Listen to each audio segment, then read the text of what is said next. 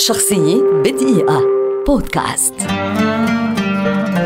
ياسر العظمة ممثل وكاتب سيناريو سوري كبير يعد أحد أبرز وجوه التمثيل في السنوات الثلاثين الأخيرة ولد عام 1942 كانت انطلاقته في الستينات من خلال تقديم برنامج لتصحيح أخطاء شائعة في اللغة العربية بعنوان أبجد هوز ثم شارك بعدد من المسرحيات الشهيرة منها ضيعة تشرين وغربة مع نهاد قلعي ودريد لحام. وبعد خلافه مع الأخير اتجه للعمل على مشروعه مرايا وهو مسلسل سوري كوميدي اجتماعي ساخر بدأ عام 1982 مع المخرج هشام شربتجي. قائم على حلقات منفصلة تم تأسيسه على فكرة مما قرأ وشاهد وعاش. فبدت حلقات العمل متطابقة مع الواقع لتشكل تجسيدا دراميا كوميديا عبقريا لحياة المشاهد ليس السوري فحسب بل العربي بشكل عام. وقد استمر مسلسل مرايا الذي ألفه وأعده وكان بطله لمدة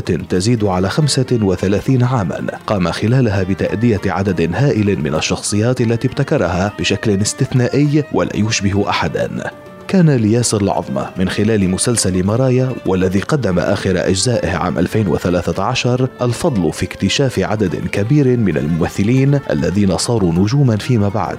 وقد تحصل خلال مسيرته الحافلة على عدد كبير من الجوائز وتم تكريمه في معظم أقطار العالم العربي. ولا يزال المشاهد العربي اليوم ينتظر المزيد من هذا المبدع الذي غير دون شك وجه الكوميديا التلفزيونية العربية إلى الأبد.